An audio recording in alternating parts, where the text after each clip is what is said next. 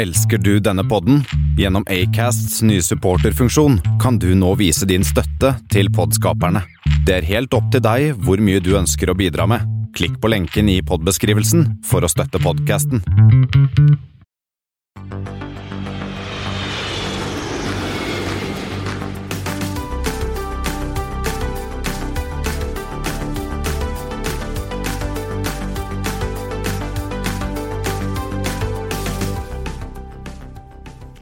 Hei og velkommen om bord på Flypoddens Flight 79. Det har blitt eh, 7. oktober, og som vanlig hører du meg, Espen Næss, og Christian Kamhaug. eh, denne gangen så skal vi en tur innom SAS og Norwegians trafikktall. Vi skal en kort tur til Østerrike, se hva Lufthansa Group driver med der. Vi skal se på litt Virgins planer eller tanker om fremtiden. Air Transat kommer til Norden, og du har vært ute med feltmikrofon, du Christian. Det har jeg. Eh, Først var jeg en tur innom Avinor flysikring og snakket med min gamle kollega Snorre Andresen, som nå er sjef for eh, tårntjenester. Eh, Det skal vi høre på etterpå. Det er et langt intervju. Og så tok jeg en kjapp tur til Stockholm. Og der møtte jeg Singapore Airlines sin eh, 350 som kom fra Singapore, sammen med Henrik Hanevold. Som er jo vel Singapore Airlines mann i, i Norge, og en friend of the pod. Eh, Men det intervjuet sparer vi til neste uke. Så det er bare å følge med i flight 80 for det intervjuet. Men uh, har du noe annet du ville snakke om uh, på teknologiverden? Flyteknologiverden? Ja, jeg har lyst til å snakke om min nye venninne Turi. Oh. Ja, min nye Vet din kone om henne? Ja, hun uh, har vært med på tur. Turi er altså, hvis ikke, De som ikke kjenner Turi, så er det Messenger-botten til SAS. I Facebook Messenger, Og den har blitt kjempebra, uh, syns jeg, Espen. Ja, ja, det kan jeg, jeg, jeg har prøvd den, men det er så lenge siden, og det var så dårlig, så jeg har aldri orket å prøve, forsøke meg siden. Nei, men det syns jeg du skal prøve igjen. Altså, Du må aktivere den, eh, og hvis du gjør det, så får du mye bra info. Eh, Blant annet så kan du jo spørre Turi om det er wifi på flyet. Eh, Og hun vet jo når du eh, går inn i loungen, så da får du nye lounge-passordet, hvis det er endret siden sist. Eh, Og så kan du ta, få sånne, gjøre sånne nerdige nerdy ting som spørre henne uh, hvordan er status på boarding. Og da sier hun 87% av passasjerene har boardet din flight. Den var jo så litt, litt lekker, for da kan du faktisk kan si, gjøre noe for deg, ikke bare gi deg info. Nei. Eh, og får også beskjed om når det er boarding, og hvis du da er i loungen, så får du også beskjed om at det er fire minutter å gå til din gate og sånne ting. da. Eh, så det er altså sånt, alt sånt eh, Og det, det, kom, det kommer sånn fortløpende når du trenger det. Eh, jeg syns det har blitt kjempebra. Klart Det er jo en bot, så det er, sånn, er begrensninger i hva den kan gjøre. Jeg spurte, spurt, liksom, hvilket, hvilken flytype skal jeg fly, og det kunne hun ikke svare på. Eh, Men det som de har begynt en annen ting som SAS har begynt med, som er vel, er vel uavhengig av turer, det er å sende bagasjekvitteringer på e-post eh, og i Messenger. Men da må det være helt nytt, for jeg var jo som kjent nylig i Frankrike, NIS. Fløy SAS begge veier, eh, sjekket inn et flyttelass uten å få noe sånn elektronisk kvittering da. Jeg hadde de gamle papirgreiene som jeg måtte passe på. Ja, jeg, fikk, jeg var i Paris nå forrige helg, og da fikk jeg den. Eh, Første gang jeg har fått den på SAS. Det syns jeg var helt strålende. eh, for de der bagasjekvitteringene er jeg jo alltid livredd for å miste. Ja, For den dagen du mister den, det er da kofferten din eh, har dratt på tur uten deg. Ja, eller så limer den seg fast i noe, og så ødelegger den og rives av. Den sitter så hardt. Ja. Eh, Lufthansa har jo gjort det her et par år, tror jeg. Eh, men eh, det er nytt for SAS. Og jeg syns det er helt strålende. Enda en sånn ny ting som måtte, som, som de har jo alltid hatt muligheten til å gjøre, tror jeg. Men som de har begynt å gjøre noe som, er, som gjør reisen enda litt enklere. da. Ja, absolutt. Jo mindre sånn papirskit man trenger å styre med, jo bedre er det. Men, altså, men, men, men jeg får altså denne, denne bagasjekvitteringen får jeg enten i, på e-post, eller så får jeg den i Messenger, men ikke i appen. Da, da mangler det jo et av stedene man kanskje er greit å ha den. Ja, Jo mer ting jeg kan få inn på ett sted, SAS, jo mer, bedre er det. Så Turi, kan ikke du sende meg den eh, bagasjekvitteringen i appen, takk skal du ha. Men har vi noen flight 79? Skal vi spørre Turi om det? Det, da tror jeg hun svarer eh, nei. Eh, jo, de har vel noe Visby-greier. Jeg har funnet eh, et par, uh, Flight 79, eh, som er morsomme. Og ja, eh, vi, La oss starte med, med Flight MM79. Kjenner du de, eh, Espen? MM. MM, nei, den er litt eh, ukjent. Hvor eh, går den fra, Christian? Den går Kicks PVG. Da det er ikke noe av de kinesiske store, så kanskje da la, Enten er det japansk lavpris, eller så er det kinesisk lavpris. Det er japansk lavpris. Det er Peach. Oh, fersken. Fersken som flyr da fra Osaka til Shanghai. Eh, Det er jo ANA sitt lavprisselskap. Jeg tror de har to eller noe sånt nå, men Ja. i hvert fall det ene av dem de har. Eh, og så er det AA79 som går eh, London Heathrow til Dallas Fort Worth. Ja, det er American. Den eh, var lett. Den var lett. Eh, men hvorfor har jeg valgt akkurat disse to i dag, Espen? De har jo doble bokstaver begge to, eller like. Ja. Ja. MM og AA. Og, det er ikke veldig mange andre selskaper som har eh, to like bokstaver. I Det, er noen, det, er noen, det er noen der ute. Ja, jeg har klart å finne tre andre. Eh, det er RR. Rolls-Royce. Ikke Radioresepsjonen, men Ryanair Sun, eller Buss snart. Ja, den er jo Jeg var ikke klar over at de hadde fått sin egen ennå. Nei, og de har ingen Flight 79, dessverre. Eh, De har heller ikke SS. Eh, fløy de under krigen? Eh, nei. Eh, jo, SS gjorde det, men det var ikke disse SS. Dette er Corsair. Ja, det, ja. Eller Corsair, eller de, hvordan de kaller det. Corsair. TUI, tidligere TUI-selskapet fra Ja, Korsika. Det- Ja, eller det er jo Eller er de fremdeles prinsippet Nei, det er fransk, eh, fransk langdistanse. De flyr jo bl.a. jumboer og skal ha 330-er og litt sånne ting. Ja, et av de som fins fremdeles. Ja, et av de som Ikke har gått konk. Eh, og så har vi JJ. Det, JJ. Er, det er gamle TAM, eller nå Latam Brasil. Den La, der. Ja, Lata Brasil. Uh, og det er vel de tre som jeg har funnet som har ruteflyvninger med uh, dob ja, de i tillegg til to andre. Så vi har, jeg har funnet fem selskaper som har like bokstaver i sitt IATA-kode. XX fant jeg ikke. Det måtte vært noe Playboy-flight eller noe sånt. da Vi får lage vårt eget. Ja, eh, og det er ingen, ingen ulykkes Flight 79 heller, men det fins et band visstnok som heter Flight 79. Jeg har ikke klart å, orker ikke å finne fram de. Det- Aldri hørt om.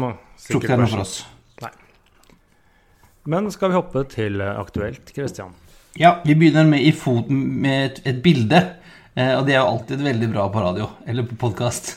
Ja, det er veldig bra på podkast, men vi legger jo selvsagt ut bildet, og det er sikkert veldig mange som har sett det, men vi kan kommentere det. Det er jo eh, det første bildet av den første A320 Neon i de nye SAS-fargene. Ja, det ble fint.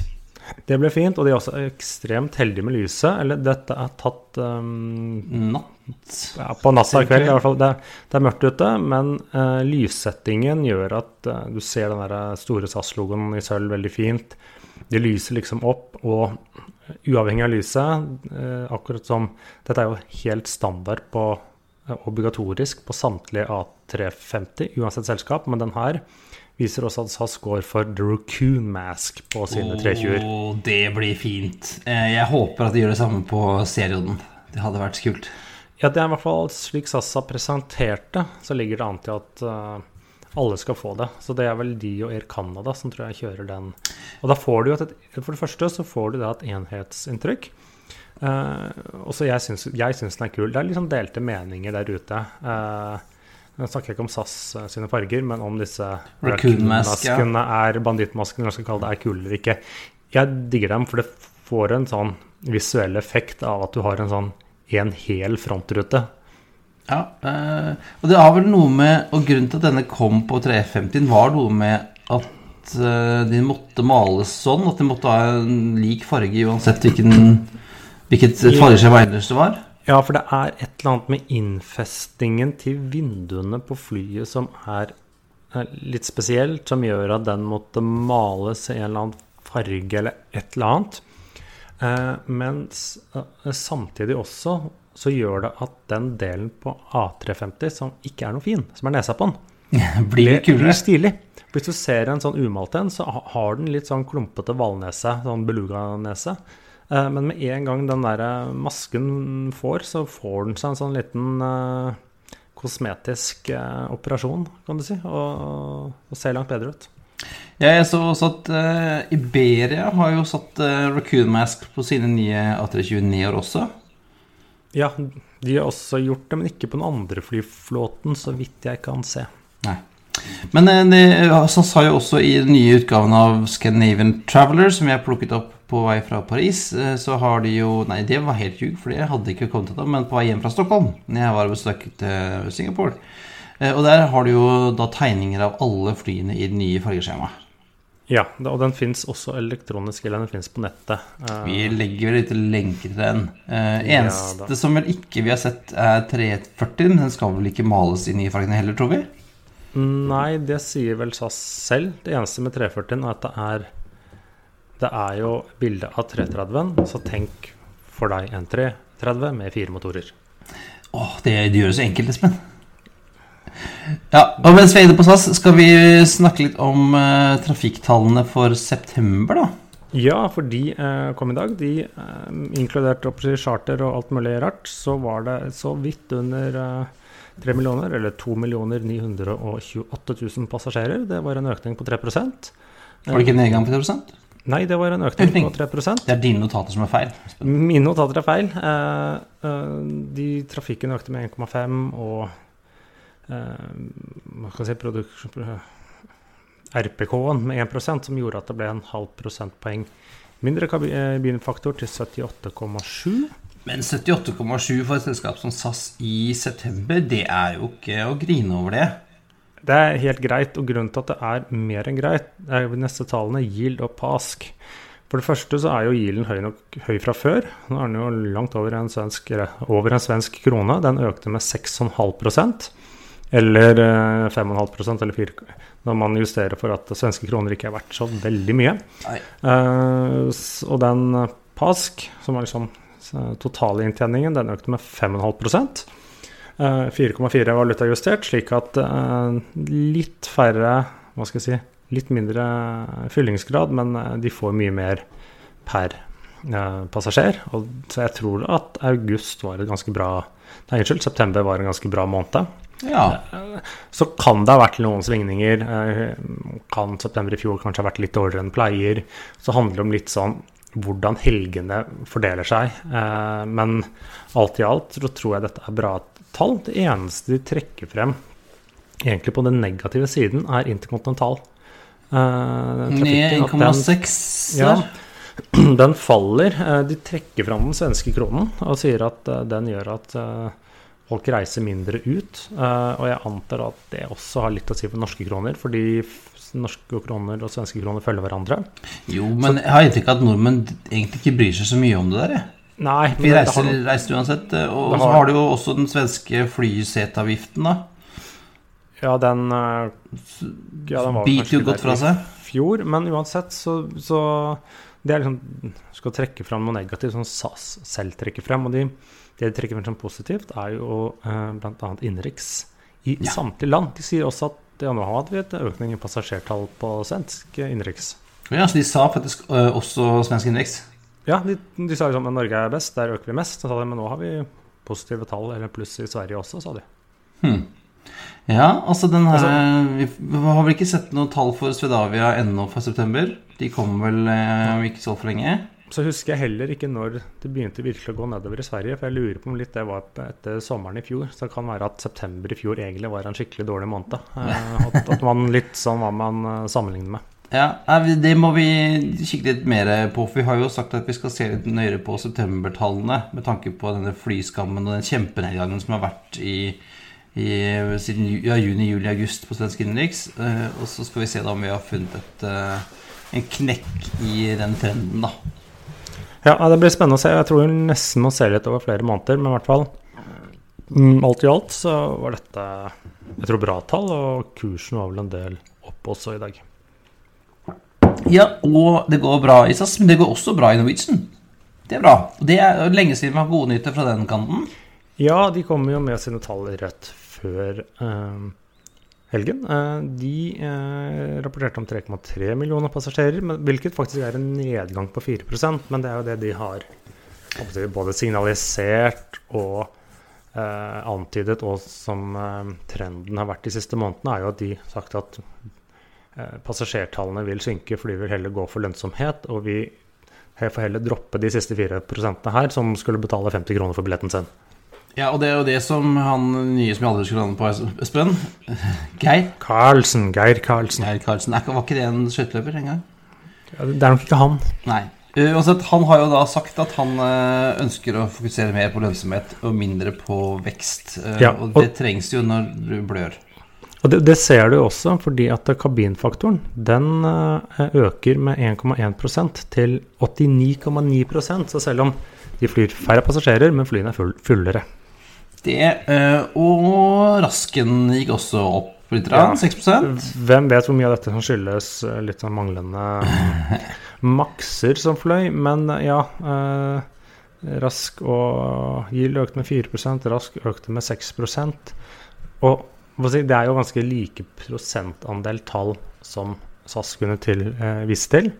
Men med Norwegian så er liksom opp for det mitt spørsmål er det nok fordi de er så veldig lave fra før. Ja, for rasken deres her var 35 norske øre. Ja. Og det er vel, eh, selv om du ser Var det en halvpart, under halvparten av hva SAS har? Ja, og ser samme på, på uh, Yield nå, at eh, SAS har 105 svenske kroner, mens Norwegian har 0,39 eh, norske. Og det, selv om vi gjør om til svenske kroner, så er det jo langt under halvparten. Ja, eh, men, men det er jo bra for begge selskaper om vi nå kuler ned på veksten. I hvert På domestic og ut av eh, Skandinavia, og da kunne ta ut litt mer penger ut av passasjerene. Men akkurat der har de jo tjent begge to, tror jeg, tjent penger den siste tiden uansett. Ikke, problemet til Norwegian er ikke trafikken i og til Norge, det er Nei. alt det andre. Nei, og der har de jo også de siste ukene lansert eh, om sist også, om kutt i eh, produksjonen fra UK og i Spania og av hvert forskjellig. Men det er jo andre steder det går litt over stokk og stein, eh, Christian, og noen må ta grep. Ja, vi har jo vært innom Østerrike før. Wien, der har jo altså alle selskaper i Europa skal jo fly, ha base i Wien, visstnok. Eller sende lavprisselskapet sitt dit. Ja.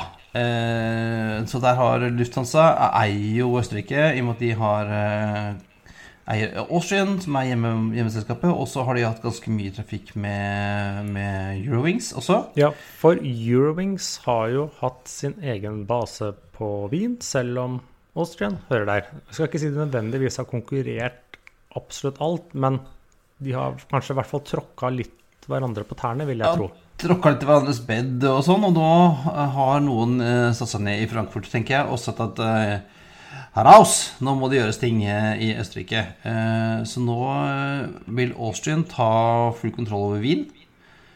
Wien vil være en Austrian-by, mens Eurowings nå tar point to point fra de andre byene i Østerrike. Det er sånn Innsbruck, Graz, Linz og hva heter de alle sammen? Ja, de heter det. Ja, eh, ja, altså, mens jeg tror også, også Lufthansa selv skulle ta seg feeden. Ja, så de, de kjører typisk eh, fra sånn, disse provinsbyene.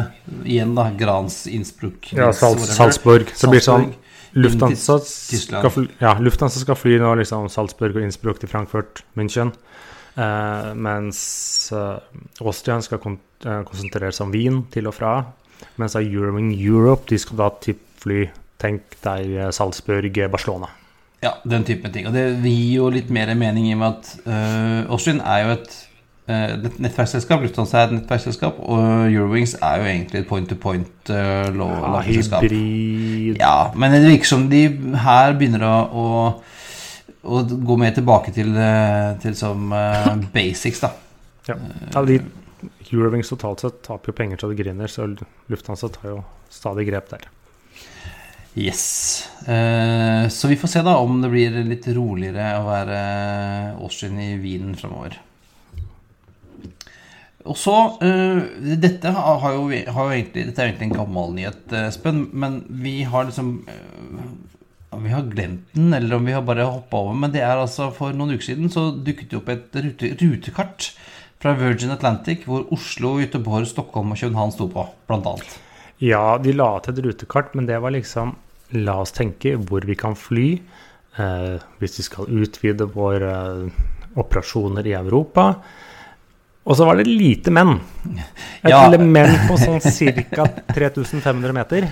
Ja, og x antall milliarder, for det er snakk om at Virgin er jo en eh, veldig forkjemper for den tredje rullebanen på Heathrow, og den skal et, eventuelt kunne komme i 2026. Eh, og da eh, sier Virgin at da eh, har de planer om å utvide noe eh, realt fra Heathrow. Eh, hvis det er sånn at de får en hel masse slotts. Eh, For det, det, det hele denne, denne presentasjonen av jeg tror det var sånn 100 stasjoner fra Heathrow eh, er jo en del av, av, av Virgins PR-arbeid for å få mer, en, større andel av slotts i den nye, nye når rullebanen kommer. Ja, og som motsatt hva kanskje mange skulle tro, British Airways de er jo kjempeimot å få en tredje rullebane på hovedbasen sin. For yes. de vet at de kontrollerer så mange slott, så de får så god inntjening og slipper konkurranse.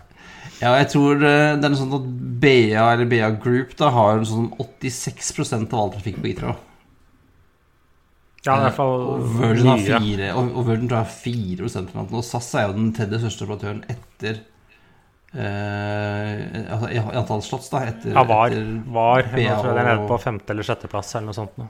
Ja, men altså det er jo BA har jo helt fullstendig dominans eh, her. Eh? De har jo gjort det både gjennom at de har vært der i 100 år, eh, på en måte. Eh, og så har de jo kjøpt opp altså De har kjøpt rubb og stubb av andre britiske aktører. Danair på 90-tallet, British Caledonian, BMI nå i 2012. Og det har jo bare gjort at de har fått enda, enda mer uh, Enda flere slotts og enda større dominans på Heathrow. Som er jo litt merkelig at de har fått lov til å bli så svære. Men så får du se, da. Nå har jo Virgin har jo bl.a. kjøpt opp Flyby, uh, som driver flypropellfly på London Heathrow akkurat nå om dagen. Uh, hva er liksom tanken rundt der? Og nå skal man være litt forsiktig med rykter og sånne ting, men det ryktes at Virgin Atlantic eh, kommer med en ordre på A220-er snart. Ja, og det blir vel, skal vel flys av denne Flyby eh, Eller hva de kommer til å hete, da, tipper jeg. Ja, vi, vi får, Man får jo se om ryktet stemmer. Eh, det er det ene. Men, eh, og hvor de da eh, tenker å bruke den.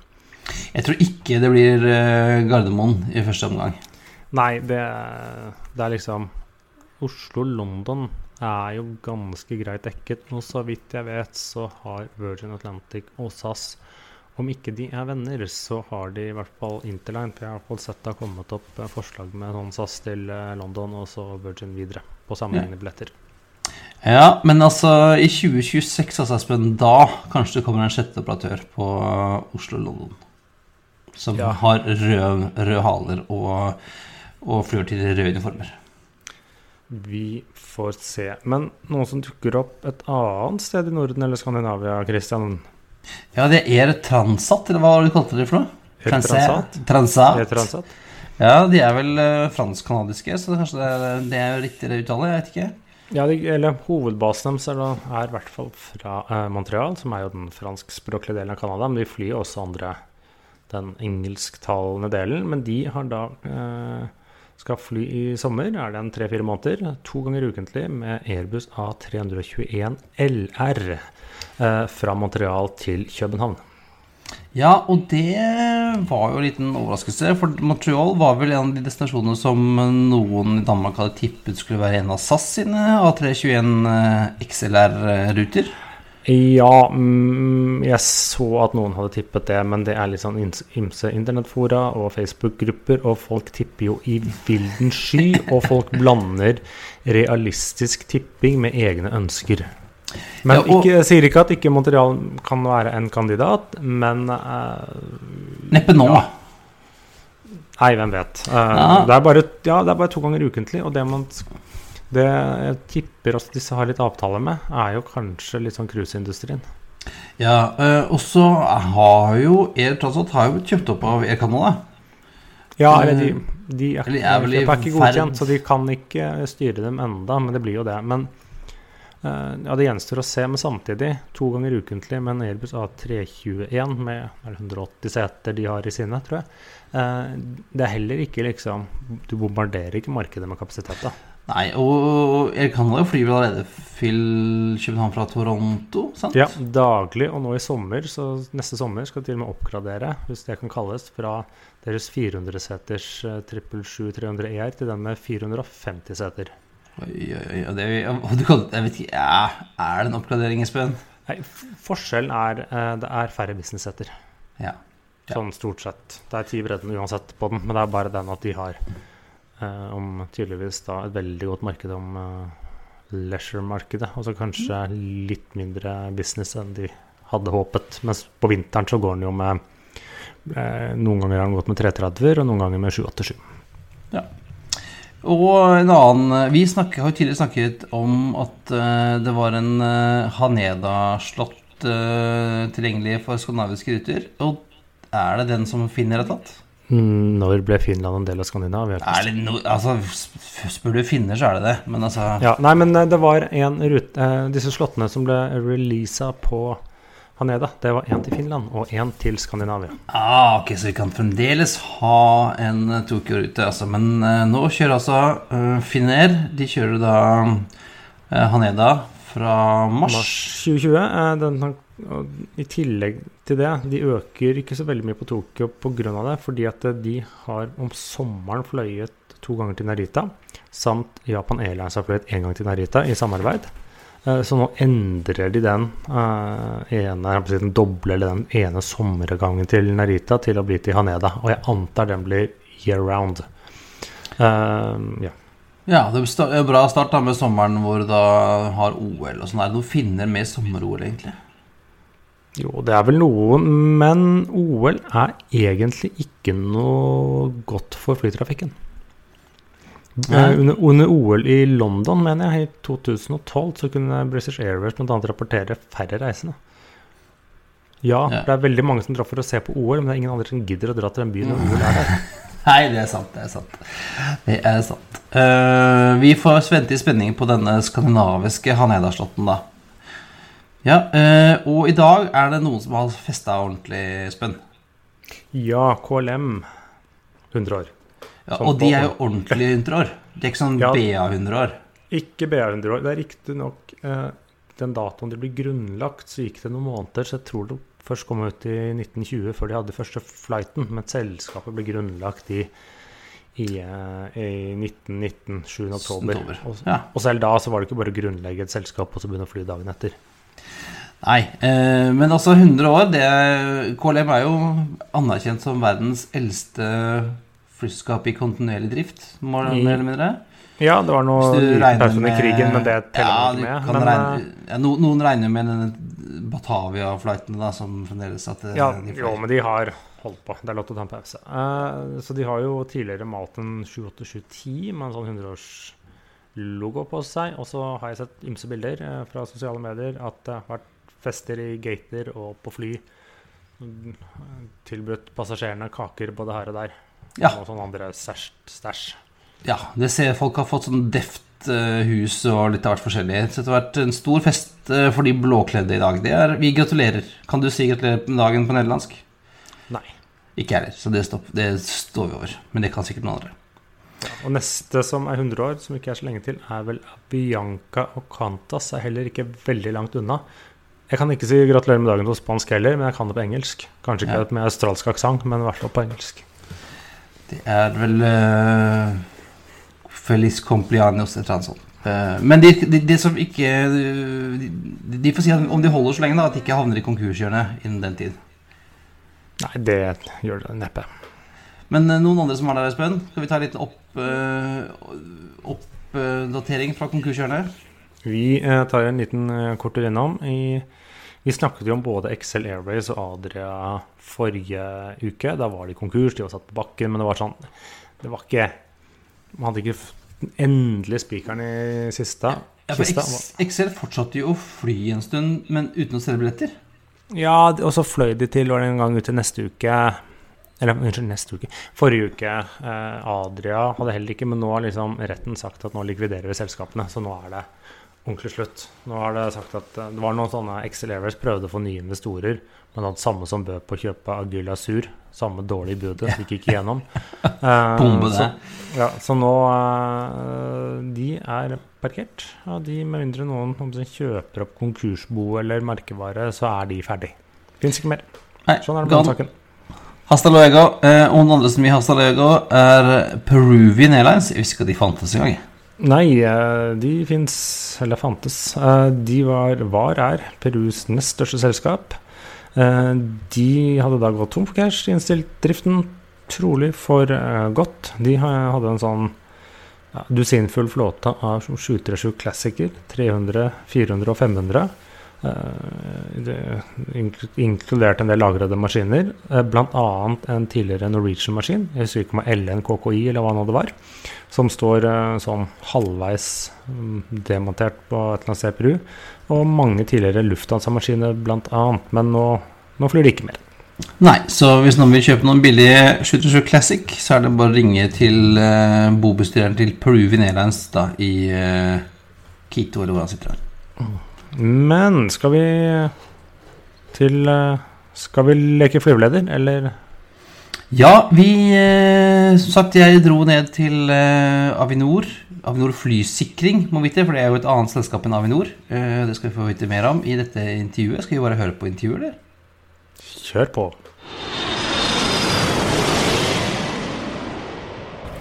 Ja, da har jeg flyttet meg ned til kontoret til Avinor, til Avinor Flysikring. Eh, Og sitter her med min gamle kollega Snorre Andresen, som er administrerende direktør for Avinor eh, Flysikrings tårntjenester. Ikke administrerende direktør, jeg er direktør for tårntjenester. Du administrerer, administrerer din egen avdeling. Vi har en administrerende direktør. Han Ja. heter Anders Kirsebom. Eh, og La oss begynne med dette, dette, dyret, tårntjenester. Eh, du, for er tror ikke alle som vet at Avinor er delt i to selskaper. Ja, det er riktig. Ehm, eh, Avinor eh, er jo et konsern. eh, og hadde tidligere bl.a. også Oslo lufthavn som et utskilt eget eh, selskap. Datterselskap. Eh, og siden juni 2014 også Avinor Flysikring som et eget datterselskap. Eh, OSL er jo nå innlemma tilbake igjen i konsernet, mens vi fortsatt er et heleid datterselskap av Avinor. Ja, Og flysikring består av Ja, hvilke deler? Ja, det er tre Vi kaller det forretningsområder, da. Men uh, ansvaret vårt er jo flysikre, flysikring, kan du si. Flysikkerhet, da. Uh, vi, eh, jobben vår er jo å atskille fly fra hverandre når de flyr fra A til B i norsk luftrom. Uh, I tillegg så har vi ansvar for den teknologiske infrastrukturen. Altså glidebaner, ALS-er, VOR-er, diomier, radiosendere, radiomottakere, radarinstallasjoner osv. Så, så vi er delt inn i tre forretningsområder. Det er underveistjenesten, som har ansvar for flyene når de er høyt oppe i lufta. Eh, Det er ofte fly som aldri er i nærheten av norsk Ja. eh, bakken. Stor del av virksomheten deres er jo fly som bare flyr gjennom norsk luftrommet. Ehm, så de er jo da ett forretningsområde. Tre kontrollsentraler. Eh, eller det er én kontrollsentral, sier vi. De er organisert i én enhet, men de har jo driftsenheter på eh, i Stavanger, i Bodø og i Røyken. Anlegget vårt der, i fjell, fjellanlegget der. Så er det et forretningsområde som heter teknologitjenester, og de, det er ingeniørene våre. da. Ansvar for alle tekniske installasjoner. Eh, Radar og beacons og alt sånt. ja, alt Ja. dette her. Det er jo, og deres ansvar er jo på alle lufthavner i hele Norge. De, fra Svalbard i nord til eh, Kjevik i sør. Også de private. Smått, smått og stort.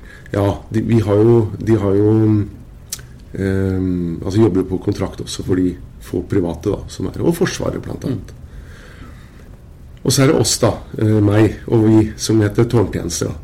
Eh, og vi har ansvar for de lufthavnene, 20 lufthavner hvor det er kontrollerte tjenester. Altså hvor det sitter flygeledere i tårnet og leder trafikken. Og det er på 20 av eh, Er det 46 lufthavner, er det ikke det, i Norge nå? For, også, for dere har noen sånne fjernstyrte tårn også? Ja, vi er jo eh, dette mm, Vi kaller det jo Remote Tower-senteret vårt. Det er under bygging nå i Bodø. Eh, og eh, 16.10, nå om to uker, er det vel? Ja. ja. eh, er planen, det er det vi jobber intenst for nå, å gå live med første lufthavn, som er Røst, i dette konseptet. De første fem lufthavnene skal drives fra det som er et sånt um, contingency center, altså en reserveløsning, som er lokalisert uh, i ekspedisjonsbygget på lufthavna. Uh, og håpet er 16.10. Nå venter vi ja, Det jeg hører, er at vi venter nå bare på tilsynets formelle godkjennelser av, eh, av konseptet før vi går i gang med, med Røst som første lufthavn. For det er et spennende nytt, eh, nytt teknologikonsept. Ja, det er veldig spennende. Det er jo, det er jo eh, Kan vi si Globalt så er dette fortsatt ganske nytt. Det er noen få mindre skala sentre som er operativ drift. I Sverige har de vel dette her som er lokalisert i Er det Sundsvall eller Østersund? Eh, men det er, et veldig, det er en liten skala. Eh, vi vet at i eh, London City er vel så vidt i gang, så vidt jeg vet. Mens det vi bygger, det blir jo verdens største senter. Det er, I første omgang er det 15 tårn som skal inn der. Men det er bygget for å huse opptil 30, er det vel, og vel så det eh, lufthavner. Så der kan du egentlig styre hvilket flyplass som helst. Ja, det kan du i ja, teorien. Det er jo litt sånn Inverness, liksom. Ja, det, eh, nå er det sånn at det er jo, det er jo kapasitet på, eh, på data som eh, vel er den eneste begrensninga du har. Uh, og Nå veit jeg ikke hvordan kabelen er til Inverness, men uh, ambisjonene våre er jo i første omgang å drive dette som et norsk senter med norske lufthavner. Da. Men uh, mulighetene er egentlig ubegrensa i forhold til hvordan du kan drive sånne ting framover. Nå tok vi egentlig hoppa, hoppa vi egentlig til noe annet. jeg skal ta oss Men, men gå, gå, la gå tilbake til, til tårntjenester. eh, og grunnen til at dette ble skilt ut, eller hele flysikringen, grunnen til at dette ble skilt ut som et eget selskap, var er vel at noen eh, politikere ønsket en, eh, en konkurranseutsetting av tårntjenestene i norske flyplasser. Ja, jeg kjenner ikke alle detaljene. Jeg begynte her i januar i 2015. Og da var det allerede gjort. da var det gjort, ja. Juni 2014 ble jo vi skilt ut som et eget uh, datterselskap. og uh, Dette ble nok gjort uh, fordi det var et politisk vedtak da, på å deregulere deler av flysikringstjenestene. Nærmere bestemt tårntjenestene og det som går på teknologisida. da. Det ble vel beslutta tilbake 2012-2013, så vidt jeg vet. Eh, og da valgte man en sånn løsning å skille ut oss som et eget datterselskap for å sikre det som heter armlengdes avstand til, til de som skal kjøpe inn tjenesten. Da, Ja, for Avinor, eh, som driver flyplassene, sitter i femte etasje. sitter i femte etasje Og nå er vi i. Tredje. tredje. Så vi har en etasje mellom. Ja, Eller- det er godt og vel det. Det, det stemmer det. Og, det. og mellom oss nå, så, altså det som er mellom oss, det er jo et profesjonelt kundeleverandørforhold.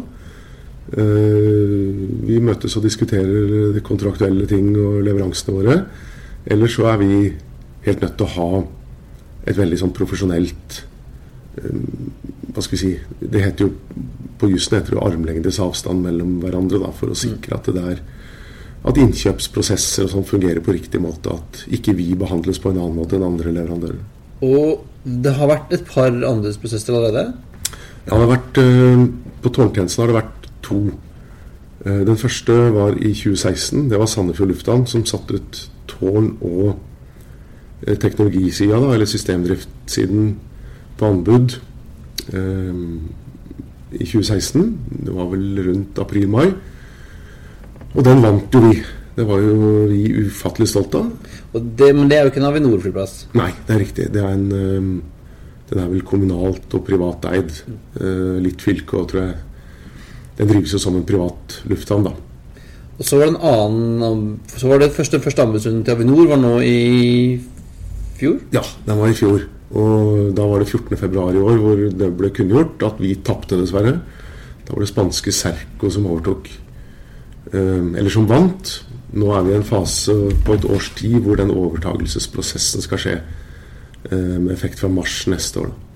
Og da var sånn, skjønte jeg at da er, har de valgt å se det som en virksomhetsovertagelse, så da overtar de ansatte og alt mulig. Ja.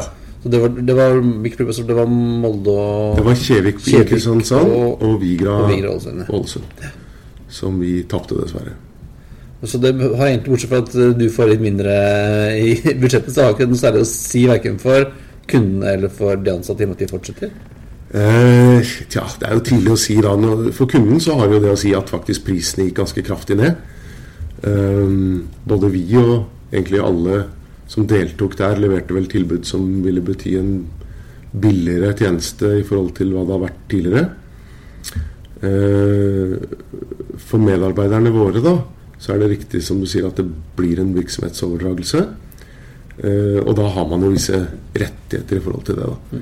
Eh, vi håper jo at dette skal gå ganske smertefritt både for medarbeidere og spesielt kunder, da, flyselskap og passasjerer. Og at Serco overtar det, og at eh, ingen merker noe. Men så sier det for oss at det ikke har noe effekt eller konsekvens, og det, det har jo. Ikke sant? Vi mister jo en stor inntekt. Eh, Så vi, som følge av dette har vi jo satt i gang et ganske stort kostnadsprogram.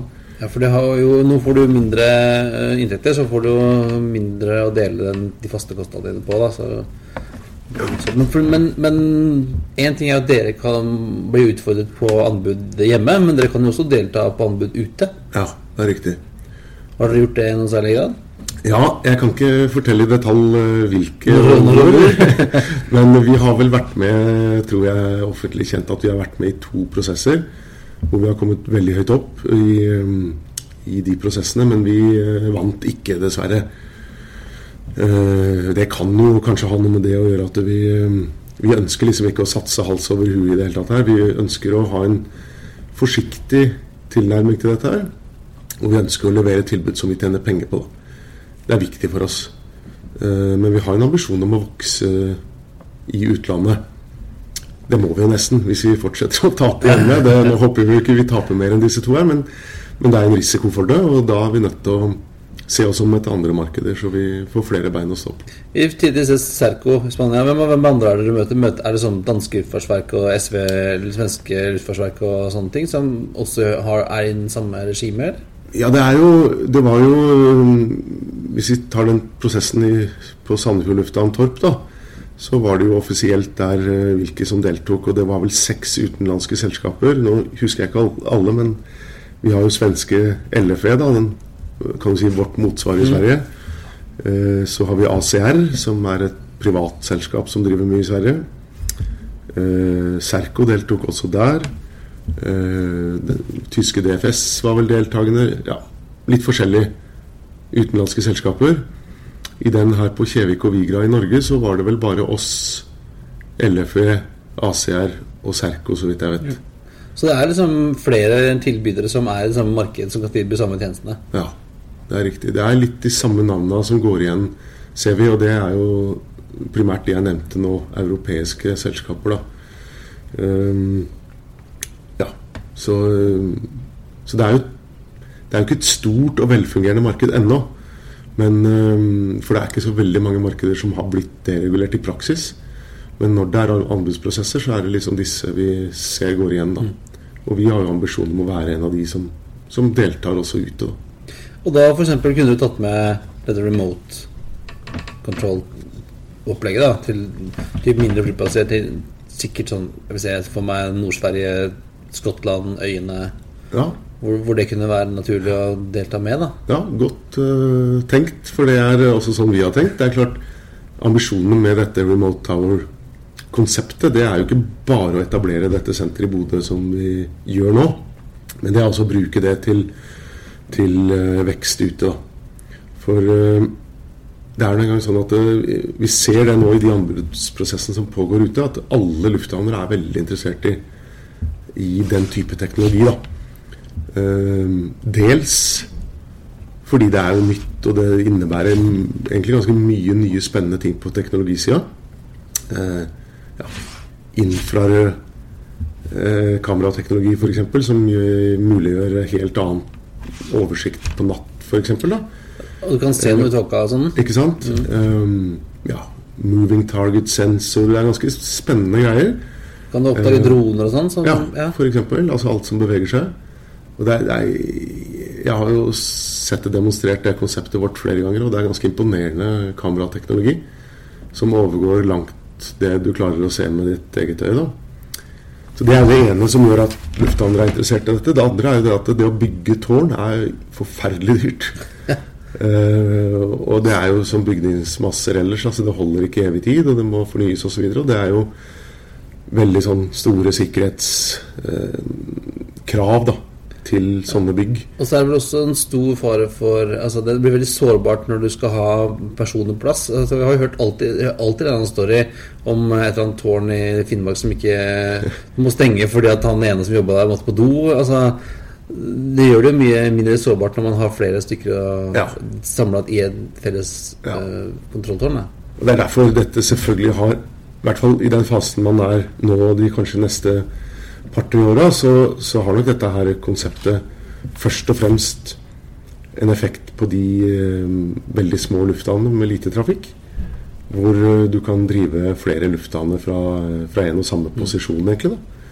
Eh, og får, som du sier, du får en mye mer sånn robust personalplanlegging og kan levere en mer robust tjeneste og en mye mer effektiv tjeneste. da. Så det er intensjonen. og det så som sagt, vi håper jo 16.10 at ikke det blir noen forsinkelse på det. Men eh, uansett så kommer vi til å være i drift nå om kort tid med den første lufthavnen. Det blir veldig spennende. Det blir kjempespennende. Eh, andre ting i framtiden? Ser du for deg at eh, Avinor flysikring vil fortsette å hete det og være et eget datterselskap av den største kunden, eller tror du at det kan bli snakk om å privatisere det? Har jo Særlig noen av, av de som sitter i regjering i dag, har vel ivret veldig for det. Har jeg skjønt. Ja, jeg ser at eh, det er mye meninger om dette her, om vi bør skilles ut som et Ja, altså skilles helt fra Avinor, da. Eh, og det er vel også mange, tror jeg, som diskuterer alternative modeller for vår virksomhet òg, da. Og det jeg velger å gjøre da, vet du hva det er? Er det, ingen kommentar da? Nei, jeg bryr meg egentlig ikke. For jeg tenker som så at liksom oppdraget vårt det er jo å gjøre jobben, da. Ja. Og så er det jo sånn at det er andre som bestemmer premissene for dette her. Det er jo ikke vi som gjør det. Vi er jo soldater som må levere på det som andre bestemmer at vi skal gjøre. Og så, så skal vi sikkert bidra med gode råd og sånn eh, hvis man trenger det. Men, eh, men denne prosessen den styres langt over huet vårt. Det er et politisk spørsmål først og fremst, da. Og nå hopper jeg helt til noe annet, men øh, flygeledere jobber jo hos deg. Sant? ja. Hvor mange, ansatt, mange har du ansatt? Vi har eh, eh, I dag så har vi vel ca. 340 ansatte i tårntjenestene. Eh, det andre forretningsområdet, altså underveistjenesten, som også har veldig mange flygeledere, og også en del andre eh, medarbeidere, de har ca. 350 ansatte. Totalt så er det vel i, av flygeledere i Norge så er det vel en sånn drøye 600 totalt, tror jeg, i, i hele landet. Eh, ja, så Og mange av de jobber hos oss. Er det nok? For at du skulle, når du og jeg jobba i SAS sammen Ja, sist, så krangla jeg, i hvert fall jeg, på radio med Avinor. Fordi at eh, da var det ikke nok folk, og da ble det forsinkelser og innstillinger og sånn. Eh, Jeg har inntrykk av at det har skjedd noe med den ja, bemanningspoolen. At man har nok folk nå. Ja, det er godt uh, oppdaga, det, Kristian. For at Ja, vi husker jo godt 2012, for eksempel. Da eh, 2012. det var en forferdelig sommer. Altså, det var jo det året hvor SAS holdt på å gå over ende. Eh, og et halvt år før det, altså i juni 2012, så sleit jo virksomheten vår nå da med bemanning, knytt, spesielt i forhold til trafikken inn og ut av Oslo. Ja. Det husker jeg, for da hadde jeg pressevakt den uka, Ja. den uka der. Det var jo forferdelig, og vi som jobba i flyselskapet da, husker jo hvor ille det var. ikke sant? Eh, og ikke nok med at du får veldig mye kostnader knytta til forsinkelser, men, men, men kontantstrømmen stopper jo delvis opp når folk slutter å booke seg. Det er veldig alvorlig. Så dette har vært topprioritet i virksomheten vår, å få kontroll på bemanning. Og det har vært jobba veldig intenst med å utdanne flygeledere. Eh, Vi har jobba med metodikk for å beregne bemanningsbehov. Vi har jobba med profesjonalisere egentlig hele virksomheten da. Eh, på drift. Eh, Hvordan vi driver, hvordan vi sørger for overføringer av flygeledere når folk har av med pensjon, sykdom osv. Og det er innmari kult, rett og slett. At eh, der vi står i dag, så har vi veldig god kontroll på bemanninga. Eh, Og vi skal aldri tilbake til de 2012-tiden. Det skal aldri skje for vår virksomhet. Og det er, det er alle enig i. Fordi det er så ødeleggende for hele organisasjonen og for omdømmet og for først og fremst kundene, ikke sant.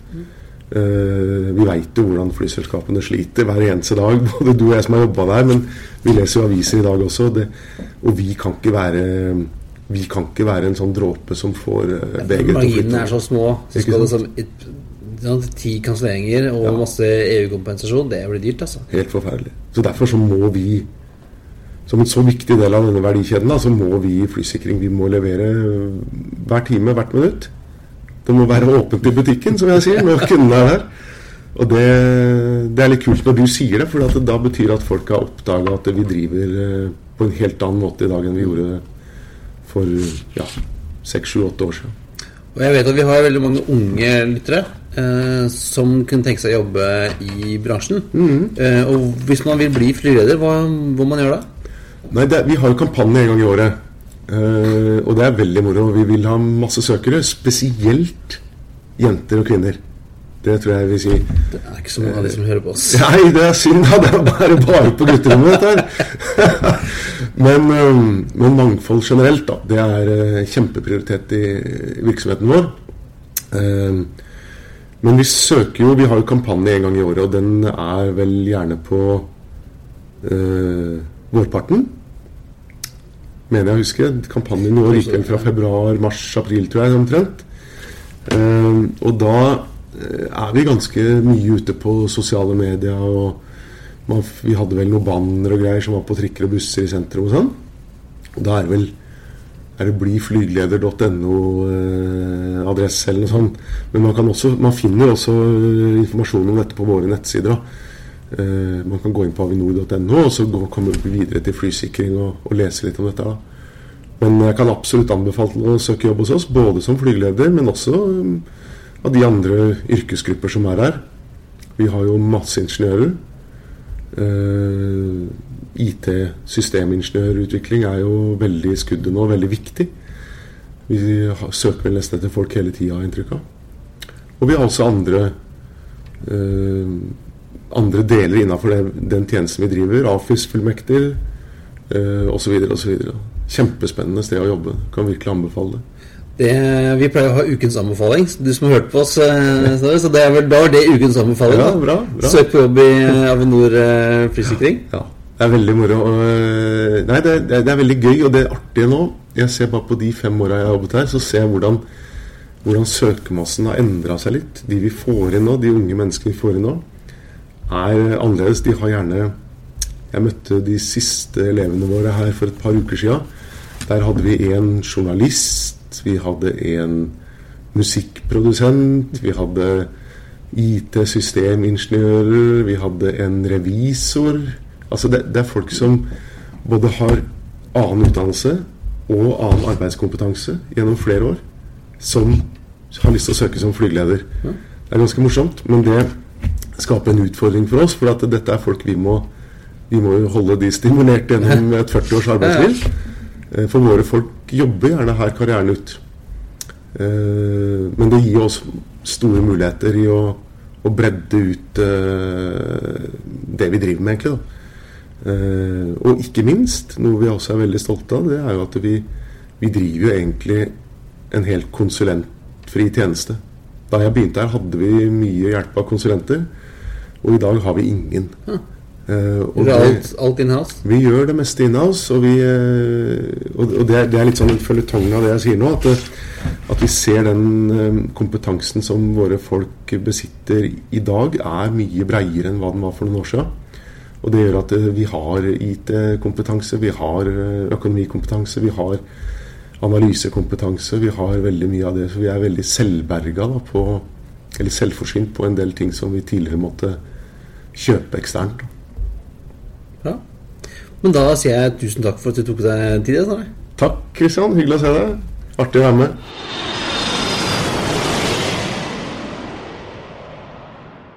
Ja, men det var en eh, hyggelig, et hyggelig besøk til Espen i tredje etasje. Vi holdt oss unna fjerde etasjen. Ja, ja, og det var jo Dette er jo et, kanskje et selskap som du hører ikke så veldig mye om dem si utad, og mediene eh, går litt under radaren. Og, og det de driver og det de, oh, det de driver, det de, Men det de driver med, er jo sånne ting at hvis det funker, så merker du ikke. Nei. Men hvis det ikke funker, så merker du det veldig godt. Ja, og det snakket vi litt om også. hvordan, eh, sånn, husker jeg, min, min siste sommer som uh, presseansvarlig i, i SAS, så var det jo krangla litt med Avinor uh, det året. For da hadde, det var jo sommeren 2012, hvor de jo ikke klarte å levere i det hele tatt. Og vi hadde jo masse innstillinger og forsinkelser og drit. Men nå, nå hører vi jo nesten ingenting om det, og det er jo fordi at ting går på skinner. Det går jo som det skal. Ja, og de gangene man hører om det, så er det ikke norske, stort sett ikke norske flyveledere. Det er de litt lenger sørover som er litt vrange. Ja, men det blir jo spennende. Nå, sjekket, nå kommer jo statsbudsjettet i dag. Jeg har ikke lest det med tanke på eh, Avinor og flytårn og, og mer konkurranseutsetting. Men jeg vil jo tro at hvis vi fortsetter å ha den regjeringen vi har i dag, så vil vi nok se enda mer anbud og konkurranseutsetting enn det vi har i dag. Kanskje til og med privatisering. Hvem vet? Ja, hvem vet, men det, det var ikke Nå kikket jeg så raskt på det, det var ikke, sto ikke så veldig mye om det. Eller det var ikke nevnt, og da er det Hvis ikke er nevnt i statsbudsjettet, så skjer det normalt ikke det året. Nei. Da kan nok Snorre slappe av en stund til, da. Men det var jo også litt spennende det med disse fjernstyrte tårnene, for det har jo litt eh, litt for seg. For la oss være ærlige, det er en del flyplasser her i landet som ikke akkurat ser ja, Antall fly på en dag kan, trenger du ikke så veldig mange fingre for å telle. Nei, og, og så, er det jo smart at, vi kan, at de kan ha denne fjernstyringen av tårnene på særlig disse små Finnmarksflyplassene og sånne ting, hvor, hvor du sier kanskje det er et par avganger om dagen. Eh, så blir det jo mye, mye mer robust også. At du har en, flere stykker som kanskje sitter et sted, enn at én fyr som plutselig mann på do, og så må du stenge flyplassen. Ja, og er det dårlig vær, dårlig sikt, så ser du jo ikke noe fra tårnet likevel. Nei, eh, så jeg tror dette blir eh, og, det, og det er gøy om de da får det til å fungere veldig godt. Om det også kanskje kan bli en, en eksportvare, slik at de kan eh, gjøre det samme i andre land også. Det er jo tydelig at mange er interessert eh, i hva Avinor gjør på akkurat dette området. Ja, nei, de vil vel Det er vel sånn typisk at folk ønsker å se det funker, og så bang, vi vil også ha det. Ja. Så det blir spennende. Det kommer vel nå i løpet av måneden? Hva planen. Ja, med skjønte jeg? første flyplassen, og så legger de vel til litt og litt etter hvert. ja, det blir kult. Eh, og da er det vel bare å, å ta Snorre på ordet og si at dagens eh, befaling er å bli flygeleder, da. Da Det var vel kanskje godt for oss, men eh, for de som er yngre, så får vi anbefale det. Ja, vi, jeg tror kanskje det er litt seint for oss, vi skal nok gjøre andre ting. Men eh, for de som lurer på om de skal ha en, få seg en, en karriere i luftfarten, så kan jo flygeleder være en bra intro. Men eh, jeg tror det var det, dette var det for i dag, Espen. Det er vel på tide å feste settebeltet, rette opp stolryggen og sikre fri sikt ut av vinduet ettersom flight 79 er på vei hjem for landing. Som alltid finner du linker og bilder på flypodden.no. Du finner oss på flypodden.com Nei, det var helt feil. Vi finner oss på facebook.com slash flypodden og på at flypodden på Twitter og Instagram. Vil du sende oss en liten hilsen, så gjør du det på hallo at flypodden.no. Og som sagt så kommer vi tilbake neste uke med denne reportasjen min fra Stockholm, hvor vi snakker med Singapore. Ha det bra! Ha det bra. Den satt, tenker jeg. Thank you for flying with us today. We truly appreciate your business and look forward to serving you on a future flight.